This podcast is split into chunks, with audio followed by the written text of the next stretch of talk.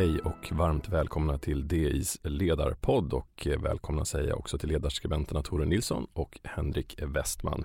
Välkommen också Ellen Gustafsson, ställföreträdande politisk redaktör på Dagens Industri.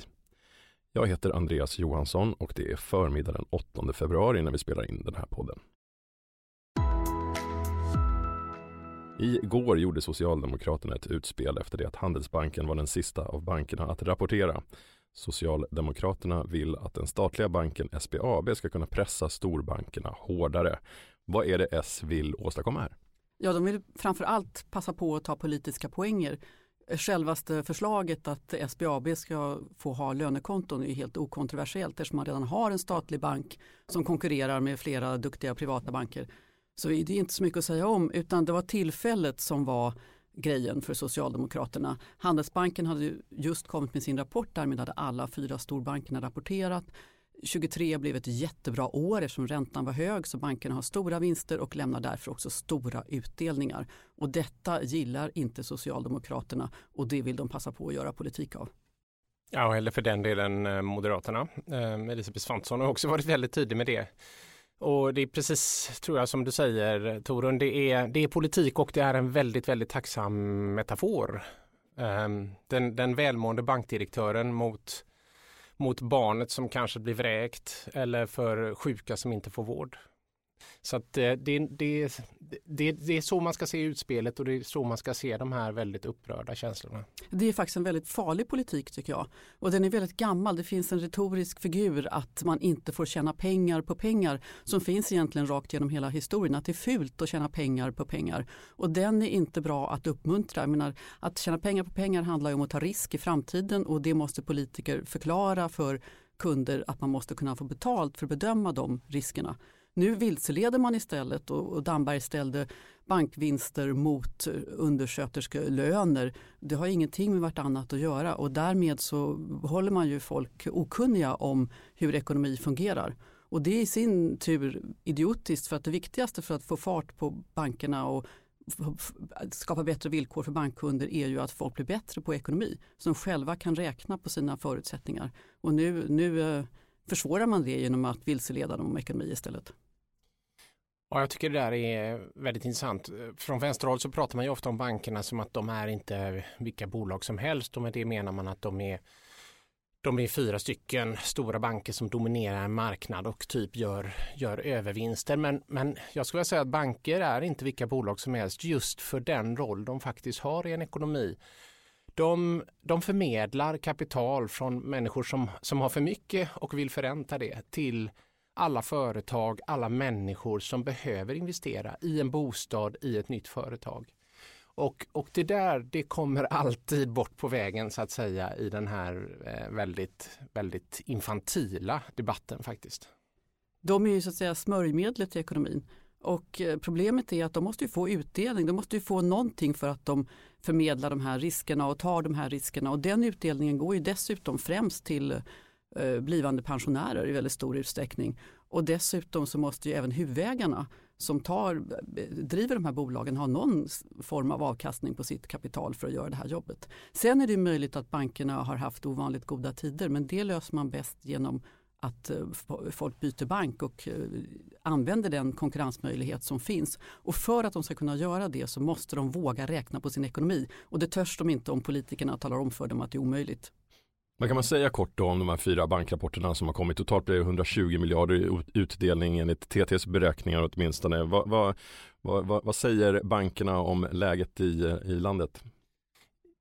Ja, en, en, bank har ju eh, två i intäktsflöden kan man säga och det är ju det som man kallar för provisionsnetto som är intäkt helt enkelt som det låter i form av provisioner för till exempel affärer men också för att man säljer olika tjänster och man tar ut kortavgifter och annat. Och sen har man då räntenettot som är ju differensen mellan den kapitalkostnad man har och den intäktsström man har ifrån kapitalet. Och räntenettot just nu är väldigt högt. Och det är inte konstigt. Vi har varit med om en exempellös eh, snabb eh, ränteökning eh, i världen. Och, och då blir räntenettot bra. Men precis som Torun var inne på, nu är det bra tider för bankerna men det kommer inte att vara för evigt. alla just bankexperter, bankekonomer, de är ju överens om att räntorna kommer börja sjunka. Det kommer också påverka eh, bankernas räntenetton. Men visst, det är inte tu tal om annat än att de tjänar väldigt, väldigt mycket pengar. Och då har de också råd att dela ut mycket pengar till sina ägare. Och det är någonting som totalt sett är bra. Det finns ju två saker till som spelar in och det är ju att bostadspolitiken i Sverige är så konstig så att vi är tvungna att betala otroligt mycket för våra villor och våra bostadsrätter. Och det skapar ju också utrymme för bankerna att tjäna pengar om vi inte är tillräckligt mycket om oss och kring oss. Och det är ju inte bankernas fel att bostadspolitiken är konstig. Och sen finns det en sak till att konkurrensen kommer ju att hårdna framöver av ny teknik. Det har gått ganska långsamt än så länge med Klarna och den här typen av digitala uppstickare. Men det är nästan säkert att, att blockkedjor och AI och sånt så småningom kommer att förändra den finansiella scenen och förändra förutsättningarna för de här fyra storbankerna och leda till ökad konkurrens. Vilka är riskerna då med att komma med så stora utdelningar när hushållen är pressade och det finns, det är, det är lätt att hitta den här retoriken om undersköterskornas, undersköterskornas lön och de här stora utdelningarna. Eh, borde man ha väntat med utdelningarna? Alltså riskerna för bankerna med att göra den här typen av utdelningar, de är ju politiska. Eh, och vi har ju sett den här kritiken då, den kom först från vänster, det var givetvis Vänsterpartiet, det var Socialdemokraterna. Man började prata direkt om övervinster som man ville beskatta. Eh, och sen är det ju då finansministern som har, som har hakat på. Eh, och eh, tidigare har haft samtal med bankerna om just de här övervinsterna, eh, om utdelningarna och hon sa ju ganska nyligen också att hon överväger att ha det igen. Eh, och eh, det är ju, skulle jag säga, från, ett, från, ett, från en borgerlig finansminister är det en väldigt riskabel retorik. Eh, det handlar ju någonstans om hur man talar om de här sakerna och vart det kan leda i förlängningen. Eh, vi såg ju på Mikael Dambergs presskonferens igår till exempel att han använde ju Elisabeth Svantessons ord för att driva igenom sin egen politik och varför det är rätt att göra det. Eh, så att ifrågasätta vinster och utdelningar på det här ganska slapphänta sättet är ju riskabelt. Man talar inte alls om vad utdelningarna går till, till exempel då återinvesteringar till där de gör störst nytta eller att det är pensionsbolagen som är några av börsens största ägare och att pengarna då går till pensionärer. Eller för den delen att det går till stiftelser som i sin tur då betalar för forskning och eh, utbildning på svenska universitet. Om man tar SEB då som ett exempel så är ju Investor största ägare. I Investor så är det i sin tur eh, Wallenbergstiftelserna som äger en fjärdedel av, av eh, aktierna och de använder nästan all sin utdelning för att gå till, eh, till då svenska universitet. Eh, så att det finns ju så att säga, det är de här stora politiska riskerna med utdelningarna men det finns också en risk i att tala på det här sättet, framförallt från borgerliga politiker. Sen finns det ju en gammal historia också. Sverige hade väldigt hårda regleringar av banker länge, ända fram till 80-talet och då reglerade man successivt av. Och då tog man in väldigt mycket pengar från bankerna och tvingade dem att investera i stora bostadsobligationsprogram och fick det här miljonprogrammet i Stockholm. De blev liksom statens och politikens kassako. Och det tog en ända med förskräckelse. Det ledde ju till, eh, när man avreglerade det och släppte loss bankerna som var ovana, då fick man den, en av de absolut djupaste kriser Sverige någonsin har haft. Så, så reglering är inget bra om man inte måste ha det. Och sen är det också som, som Torun skriver idag i, i tidningen, alltså det finns ju ett stort mått av eh, populism i detta. Eh, för, för att det är enkelt att slå mot banker. Alla har en relation till banken. Eh, och, eh, och det är lätt att sätta bilden av banker som liksom en del av eh, ett elitistiskt samhälle på något sätt.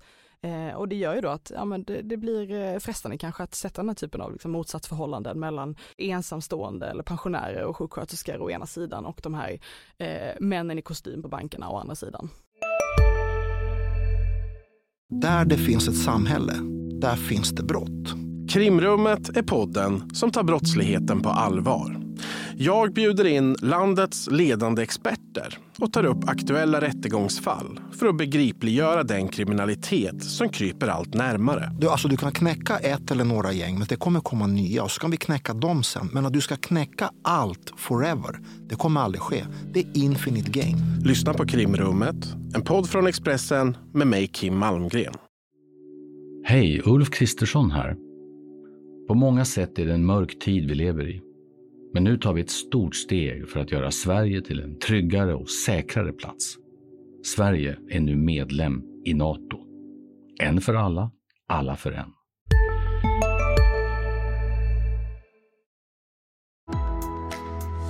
Vi eh, ska byta ämne och eh, bege oss till EU och klimatfrågan. För EU-kommissionen har nu presenterat en rekommendation om ett gemensamt klimatmål till år 2040.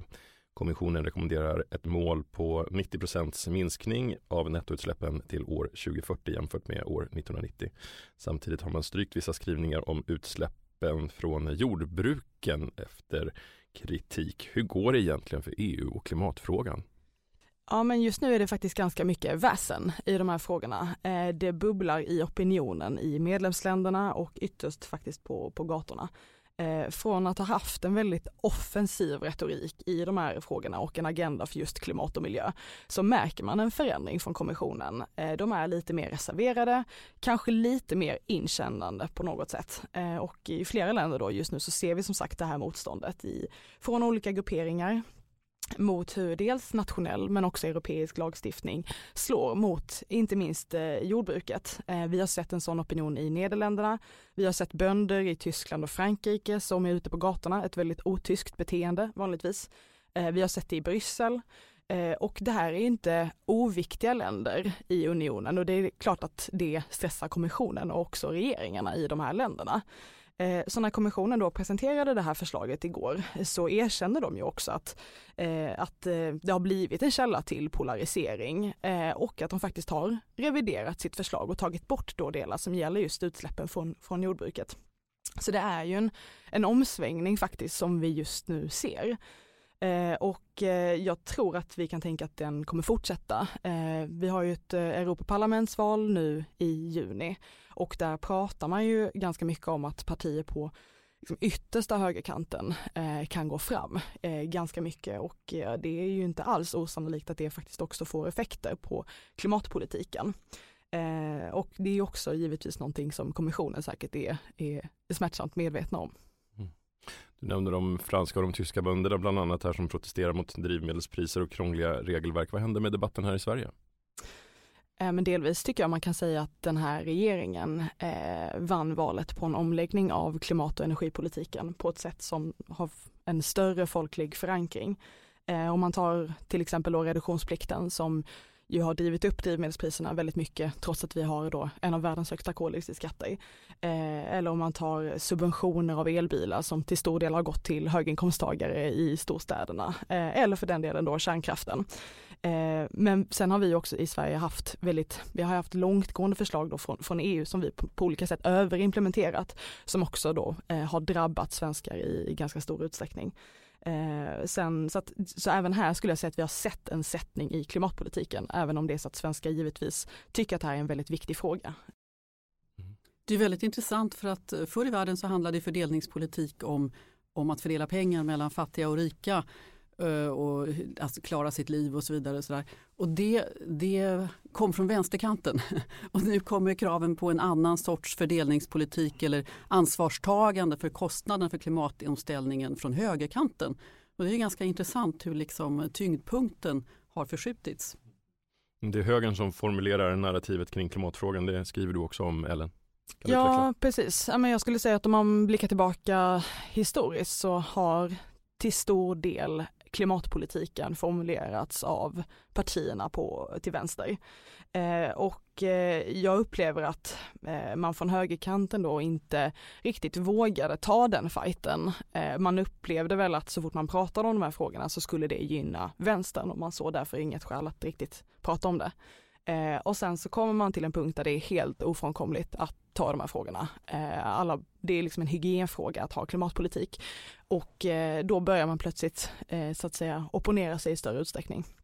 Eh, och eh, som sagt, vi, de exemplen som jag tog upp tidigare eh, skulle jag säga visar då på att man faktiskt har varit ganska framgångsrika eh, i att ändå ändra narrativet i klimatpolitiken.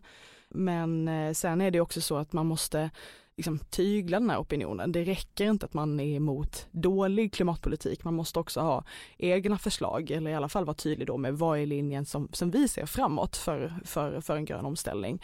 Och från högerns sida så skulle jag säga att det till stor del har varit elektrifiering. Eh, och där har man ju varit framgångsrika eh, även, även i den frågan då så att säga och eh, tydligt kopplat den till kärnkraften. Men till exempel då nu i veckan så, så kom det fram ett utspel från Kristdemokraterna att de till exempel då börjar ifrågasätta det här förbudet mot förbränningsmotorer som kom från, från EU som ska börja gälla för 2035 de eh, vill kanske revidera det. Det tycker jag är en, en, dålig väg att gå för att om du börjar så att säga, det, det är en sak att ifrågasätta den dåliga klimatpolitiken men det får inte leda till att du också eroderar det som är bra. Och det, och det intressanta med det eh, som du var inne på ehm, Ellen eh, är ju just att det sker ju redan en stor förändring i marknaden och, och marknaden vill ju elektrifieras. Bilfabrikanterna vill ju elektrifieras och, och, och, det är den typen av bilar de kommer satsa på framöver. Och det har de ju varit jättetydliga med redan. De kommer inte utveckla nya dieselmotorer eller bensinmotorer utan, utan det är nya elmotorer som är, som är framtiden. Verkligen. För borgerliga politiker så borde det vara det enklaste i världen att stå bakom marknaden i den här frågan. Eh, om du liksom kollar på europeiska bilmärken så, så alla har i princip ett, ett årtal för när förbränningsmotorn ska vara utfasad. Och det här är ju också en del, nu ser vi ett EU som bör bli mer geopolitiskt skulle jag säga. Och i den frågan är inte elbilar oviktig. Vi ser en, en jättestark konkurrens från, eh, från Kina till exempel.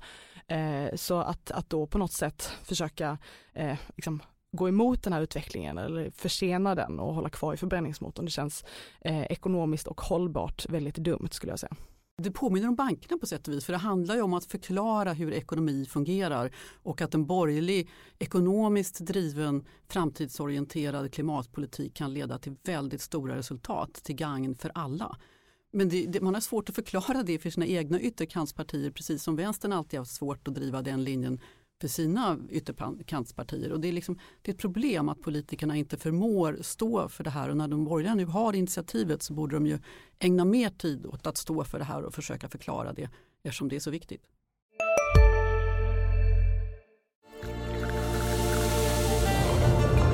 Välkommen till Maccafé på utvalda McDonalds restauranger med Baristakaffe till rimligt pris. Vad sägs om en latte eller cappuccino för bara 35 kronor? Alltid gjorda av våra utbildade baristor. Hej, Synoptik här. Hos oss får du hjälp med att ta hand om din ögonhälsa. Med vår synundersökning kan vi upptäcka både synförändringar och tecken på vanliga ögonsjukdomar. Boka tid på synoptik.se.